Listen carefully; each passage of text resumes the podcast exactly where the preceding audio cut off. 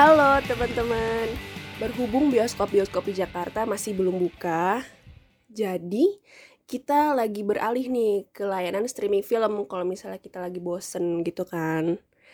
Dan kali ini kita bakal bahas tentang tontonan kita ya di layanan streaming tersebut.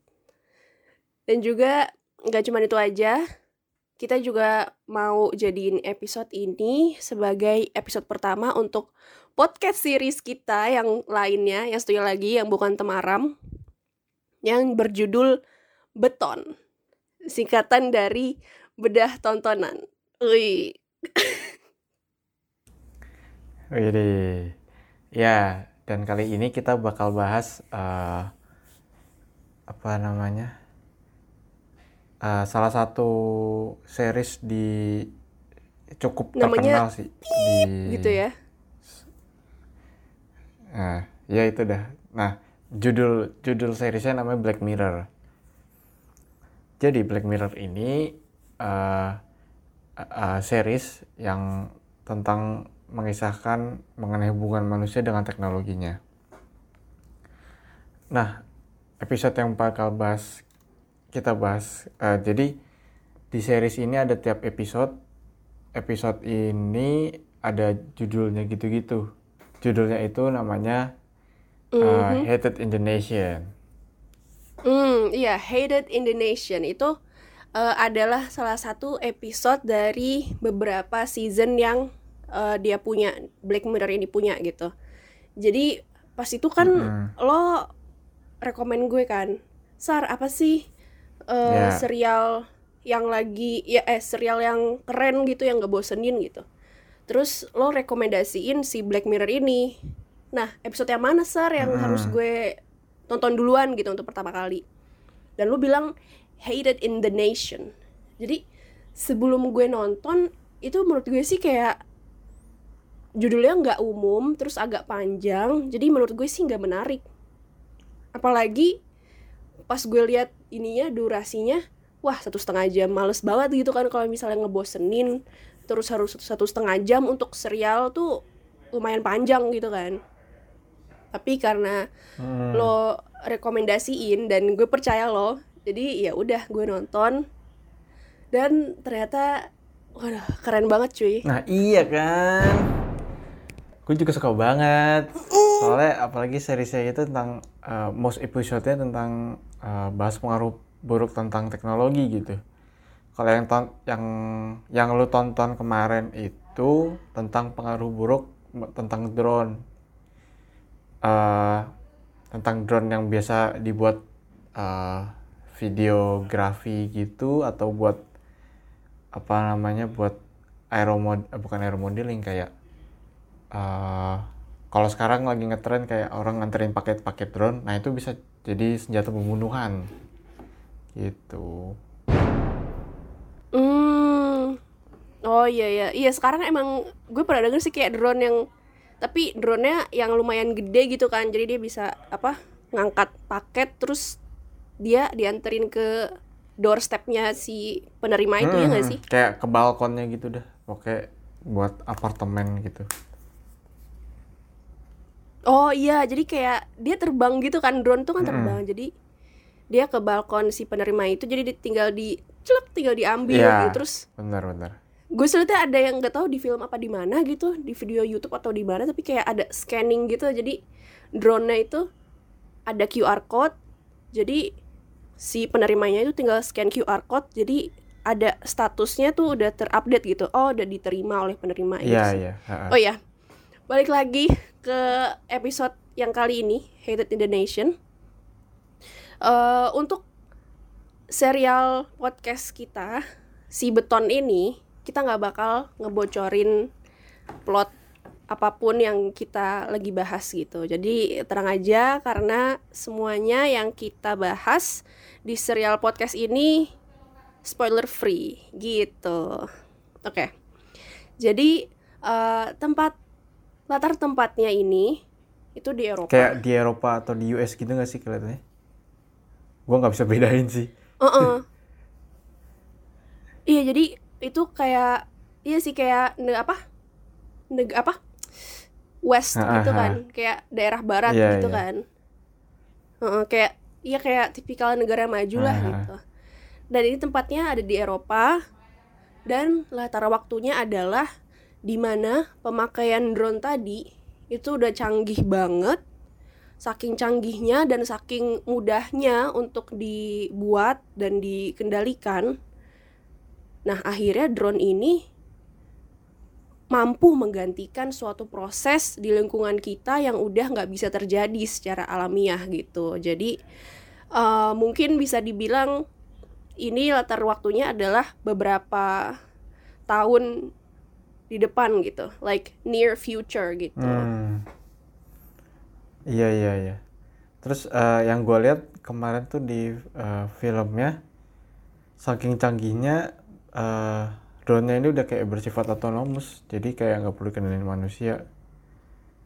Jadi dia ada kayak istilah kayak ada decision makingnya sendiri gitu. Oh, ya gitu kayak sih emang. self sustaining jadi eh, kita program dia untuk eh, bisa mikir sendiri tapi juga eh, bukan berarti dengan mikir sendiri dia bisa berbuat seenaknya gitu. Jadi kayak kita full control tapi dia tetap bisa otonomous gitu. Menurut gue sih keren banget sih. Iya. dan Ah, yang ah, menariknya juga Sar ada peran media sosial di sini yang mempengaruhi jalan ceritanya. Iya iya benar-benar. Tapi di eh, di episode ini penggunaan medsos itu tuh eh, mirip sama yang sekarang kita eh, kita pakai gitu ya caranya kita pakai tuh masih sama gitu. Tapi di sini kayak dilebih-lebihkan gitu. Jadi pemakaian sosial pemakaian media sosial ini udah sangat intens. Jadinya melampaui batas dan akhirnya terdapat akibat yang serius gara-gara penggunaan media sosial yang terlalu intens itu. Hmm. Nggak apa eh terlalu serius itu berarti ada yang kayak pembunuhan gitu atau gimana? Nah, itu dia. Buat teman-teman yang lagi dengerin podcast ini, eh kita rekomen untuk nonton sih. Jadi eh men- menarik banget sih. Soalnya apa ya? Kayak menurut gue sih logis. Kayak misalnya kalau misalnya lo ngelakuin kayak gini, lo ngomong ini di media sosial, lo lo harusnya lo punya lo dapat konsekuensinya gitu. Lo nggak bisa Oh. Kayak- asal asal jeplak eh, apa misalnya hate speech ke orang atau bad comment ke orang dan lo bisa just get away with it gitu menurut gue sih kayak Hmm. ini kayak apa ya kayak suatu teori di mana jika eh, para hate speech itu para orang-orang yang melakukan hate speech itu akhirnya dia dapat konsekuensinya yaitu ya suatu yang terjadi dalam episode ini gitu. Eh, ya kalau dibilang relate relate banget sih kalau sama eh, sekarang ya. Di apa kalau sekarang kan ada kayak namanya buzzer terus ada bot account yang bantu buzzer juga. Terus Mm-mm. ya ada kayak lain-lain gitu deh. Yang kalau lu nonton filmnya tuh mirip banget gitu sama yang kejadian sekarang.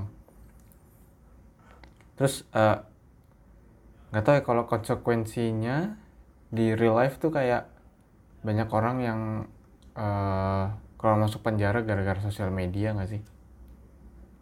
Mm-mm. Kalau misalnya di Indonesia tuh ada UU ITE gitu ya, jadi kayak orang tuh bisa dilacak keberadaannya, terus digerebek, terus dibawa polisi karena dia karena dia mel- eh, menyatakan sesuatu di media sosialnya dia gitu. Iya Iya. sih. Ada kemiripannya tapi eh, nggak nggak 100% mirip, nggak 100 100% sama dalam episode ini gitu. Dan juga eh, gara-gara relatable banget sama eh, zaman sekarang, itu tuh yang bikin seru. Jadi di sini kalau misalnya kan kita di dunia nyata seperti yang lo bilang tadi, kalau kita punya kalau kita melakukan atau em, menyatakan sesuatu yang salah di sosial media, itu kita dapat bisa dapat hukuman pidana gitu kan. Ada undang-undang yang mengatur Iya, iya. gimana sih kita harusnya berinteraksi di media sosial gitu. Dan di Ah, cerita bener ini, kalau kita menggunakan opini kita dalam hate speech, akibatnya itu langsung instan gitu dan dilebih-lebihkan sih. Soalnya kan ini ini fiksi gitu ya. Tapi kayak this is Yeah. an idea gitu. Dan kayak Haha. mungkin mungkin bisa baru-baru terjadi gitu. Walaupun mungkin nggak tahu sih mungkin apa enggak tapi ya suatu ide yang menurut gue sih bagus gitu. Dan akibatnya itu instan dan dilebih-lebihkan. Kayak gimana ya? Kayak peran teknologi itu sangat kuat banget dan dengan orang itu menguasai teknologi apa pun yang dia lakukan itu bisa berdampak besar. Dan kayak dengan cuman programming programming terus dia ketik-ketik sesuatu itu eh, itu tuh bisa mendapat bisa menyebabkan kerusakan yang besar dan oleh karena itu jadinya bahaya gitu. Dan juga apa ya? Mm-mm. Iya nggak sih Sar? Kalau misalnya kalau misalnya nih teknologi semakin mudah diakses oleh maksudnya oleh orang-orang biasa gitu dan makin banyak eh, material-material di luar sana yang bisa jadi kita buat belajar untuk kayak ngehack sistem segala macem.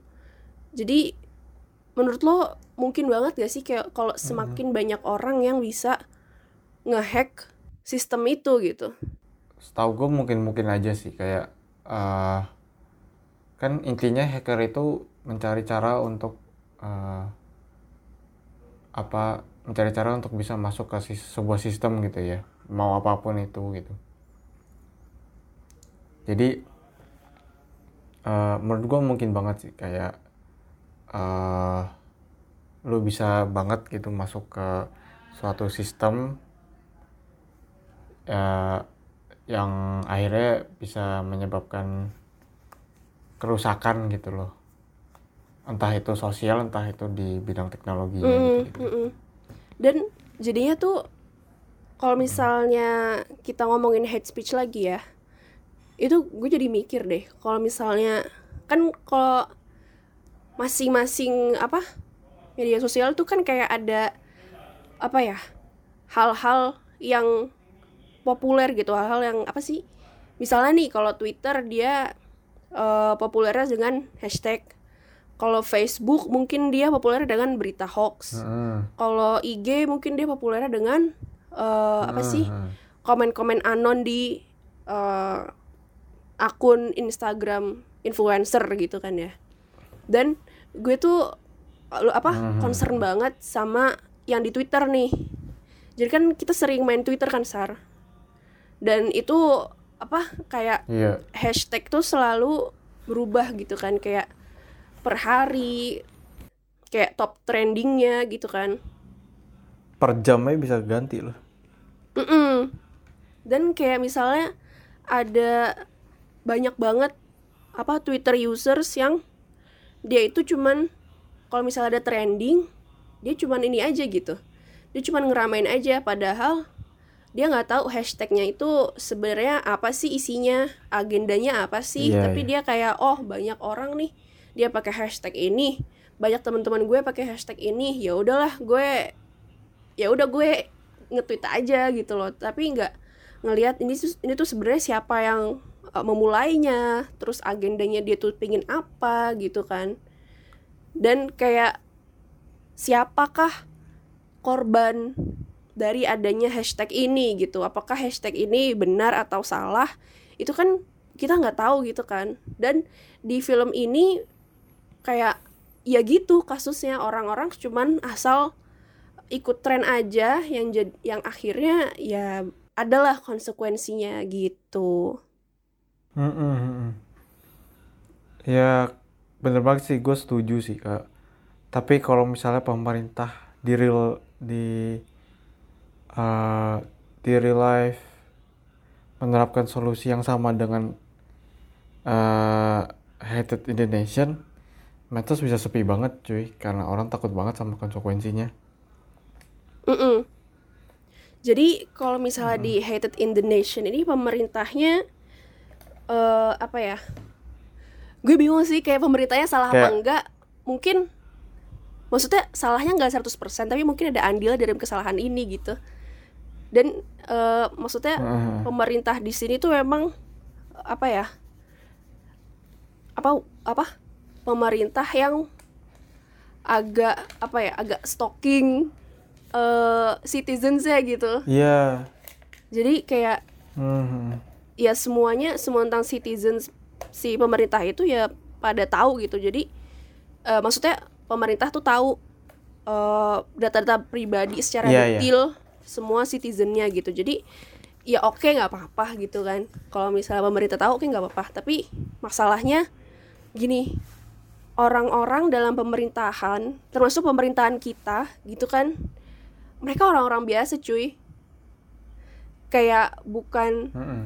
apa ya maksudnya nggak semua apa orang pemerintahan itu kayak dilatih militer gitu kayak bener-bener ketat jadi ada yang membedakan antara warga biasa sama eh, pegawai sipil gitu. Jadi kayak mereka juga punya keluarga mereka juga punya personal life gitu dan mereka juga ada apa ya ada kecenderungan ada kemungkinan si as, eh, orang pemerintahan ini bakal mengkhianati pemerintahan itu gitu loh.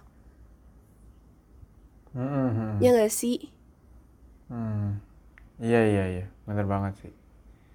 Tapi eh tapi kalau yang di Hated in the Nation eh, kasus konsekuensinya itu nggak ada pengaruhnya sama pemerintah nggak sih? Jadi pemerintah kayak nggak tahu apa-apa tentang konsekuensinya itu. Terus eh, tapi mereka menggunakan eh apa namanya ya meng- menggunakan drone-nya itu Datanya ya? iya menggunakan drone-nya itu untuk mengawasi setiap citizennya. Menurut gue itu yang salah dari pemerintahnya sih. Heeh, karena kayak oke kita percaya sama pemerintah gitu kan. Kita udah kasih eh, apa kepercayaan ke pemerintah kita. Tapi apakah pemerintah itu bisa eh, mengelola kepercayaan kita gitu? Maksudnya kita pun di Indonesia pun itu apa namanya Ah, contoh contoh sederhananya gini deh kita bayar pajak. Kita bayar pajak tapi kok eh staf pemerintahan kita korupsi ya gitu kan. Jadi ya kita di, diwajibin untuk bayar pajak tapi kok eh, uang kita nggak dikelola dengan baik gitu kan. Jadi ya itu sih kayak trust issues gitu. Mhm. jadinya ya harusnya sih menurut gua dua-duanya bisa saling mengawasi gitu loh. Dari pemerintahnya bisa mengawasi citizennya dari citizennya juga bisa mengawasi eh, pemerintahnya gitu. Jadi entah hmm. entah presidennya ngapain gitu kerjaannya sehari-hari. Terus Iya, bener sih. eh, eh-eh. ya jadi, Jadi kayak- kayak 50-50 Iya, jadi kayak ya ya mesti gitu sih menurut gua. Mm-mm. Jadi kayak staffnya juga harus transparan gitu kayak apa background checknya mungkin terus kayak ya staffnya juga harus dilacak juga soalnya kan pasti banyak banget kan staff pemerintahan itu dan kalau misalnya mereka udah nggak jadi staff pemerintahan gitu ya gimana maksudnya kelanjutannya gimana apakah mereka harus tetap terikat dengan kode etik terus tapi walaupun terikat apakah mereka bakal selalu menati aturan gitu kan pokoknya gitu deh kalau misalnya apa ngomongin tentang pemerintahan yang the government spies on us itu kayak udah bicaraan yang pembicaraan yang lebih panjang gitu ya Iya, iya. Oke, balik lagi ke media sosial tadi. Nah, kita-kita tuh yang suka asal bunyi di medsos itu bisa nggak sih dapat balasan setimpal gitu? Kayak misalnya gue pakai akun anon, gue pakai akun anon tapi gue eh, ngehina orang, terus gue pakai versus gue pakai akun asli terus ngehina orang sebenarnya damage-nya sama gitu kan orang itu bakal tetap sakit hati gitu tapi kayak yang bedanya adalah konsekuensinya kalau misalnya anon ya lo nggak bisa lo nggak bisa dilacak lo tuh siapa sebenarnya gitu kayak ya asal lewat aja gitu nggak sih? Mm-mm. dan Eh, as- aslinya enggak sih kalau lu pakai akun non juga eh tetap bisa dilacak gitu. IP addressnya gitu-gitu tetap masih bisa kelacak aslinya. Cuma ya biasanya kan akun anon itu kan nggak atas nama diri lu sendiri gitu mm-mm. nah itu yang yang agak susah aslinya Hmm, iya sih. Kalau IP address bisa sih kalau misalnya misalnya nih udah biasanya kan kalau pemerintah kan kalau dia ambil tindakan tuh dia tunggu apa? Tunggu dampaknya besar dulu gitu. Kayak udah rusak terus baru wah, let's track down this person gitu kan. Kalau misalnya cuman Mm. ya cuman kayak apa sih? ngehina terus kayak mungkin fitnah gitu maksudnya fitnah yang kecil-kecil gitu ya yang gak bakal menurut gue sih kayak belum sampai di track sampai IP addressnya gitu sih kayak belum dapat Hmm. perhatian sampai segitu tapi sebenarnya bisa gitu kan Iya. Tapi terus eh, menurut gua eh, pemerintah ini kan sekarang udah ada UU ITE ya. Mm-mm. Nah itu mesti diatur banget sih kayak eh, di medsos jadinya kan kalau misalnya orang ngetik apa kan bisa jadi ambigu ya bisa jadi eh, makna ganda gitu. Mm-mm. Terus eh, eh, terus sekarang kan kalau yang gua tahu hukumnya itu UU ITE eh, selama lo ter, selama yang melapor itu singgung bisa diperkarain gitu. Hmm, wow Mm-mm. Jadi kayak ya jangan gitulah kayak aneh banget gitu. Kayak jadinya karet banget menurut gue. dan iya sih maksudnya kebebasan kita untuk beropini juga jadi terbatas gitu dan gak bagus juga sih cuman Iya. gara-gara orang tersinggung terus kita maksudnya kan ada batasan di mana kritik itu sehat di mana kritik kritik itu nggak sehat gitu kan dan kalau misalnya Mm-mm. batasan itu blur ya sih serem sih Mhm. kayak orang yang nggak bersalah bisa dihukum pidana sih Iya, ya banyak lah kasusnya kayak lu eh, sekarang-sekarang ini kayak keluar masuk penjara gara-gara gara-gara UU ITE. Mm-mm. Oh iya, terus kalau misalnya, misalnya, apa ya? hate speech itu bisa nggak sih kita filter gitu? Kalau misalnya di Twitter contohnya kan kalau kita bisa nge-mute keywords yang kita nggak mau lihat gitu, misalnya kita nggak mau lihat eh, keywords apa sih biasanya yang kayak death Mm-mm. atau killing atau bombing gitu, misalnya kita bisa mute gitu kan? Nah itu bisa nggak sih kalau hate speech itu di filter gitu Hmm. kayak sih nggak bisa sih ya nggak sih kayak hate speech nggak selalu menggunakan kata-kata buruk gitu Iya. Iya, nggak maksud lu Hmm. hate speech itu berarti satu kalimat. iya heeh. jadi kan kecuali kalau misalnya ngata-ngatain gitu ya ngata-ngatain juga bisa hate speech sih tapi kalau kalimat juga hate speech juga Oh iya. Oh, kayaknya kalau misalnya kata-kata kasar bisa sih harusnya. eh hmm. kayak misalnya ada ada apa namanya ada eh, kalau bahasa Inggris ada fuck ada apa gitu kan bisa di bisa di mute gitulah. Tapi yang susah itu kan kalau eh, hate speech maksudnya hate speech ini berarti kan kayak ada yang eh ada yang body shaming gitu-gitu kan nah itu bisa jadi bentuk kalimat. Nah itu yang Hmm. susah sih menurut gue. Itu kira- kira-kira misalnya nih kalau kita main game online kan otomatis ke sensor. Kayak kata-kata yang uh, Mm-mm. nggak nggak sepatutnya dilihat gitu. Apalagi kan soalnya mungkin banyak anak kecil gitu ya di game online. Jadi jadi ya udahlah otomatis aja langsung. Padahal kita ngetik apa tapi kebetulan ke detect jadinya malah ke sensor juga gitu menurut lo sebaiknya gitu juga nggak sih Hmm. di Twitter atau di medsos lain? Eh, menurut gue sih nggak perlu ya jadi uh, kata-kata kasar itu kan uh, sebenarnya uh, lahir dari uh, menurut gue lahir dari pergaulan lu gitu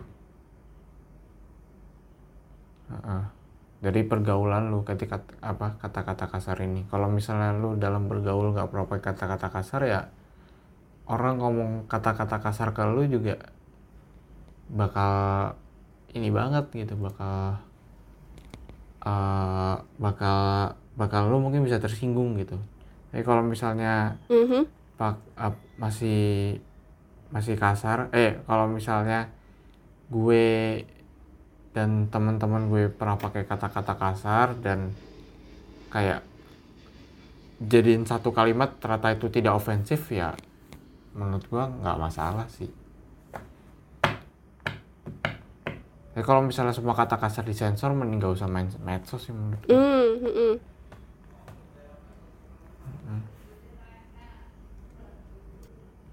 Ada yang bisa kita atur sendiri.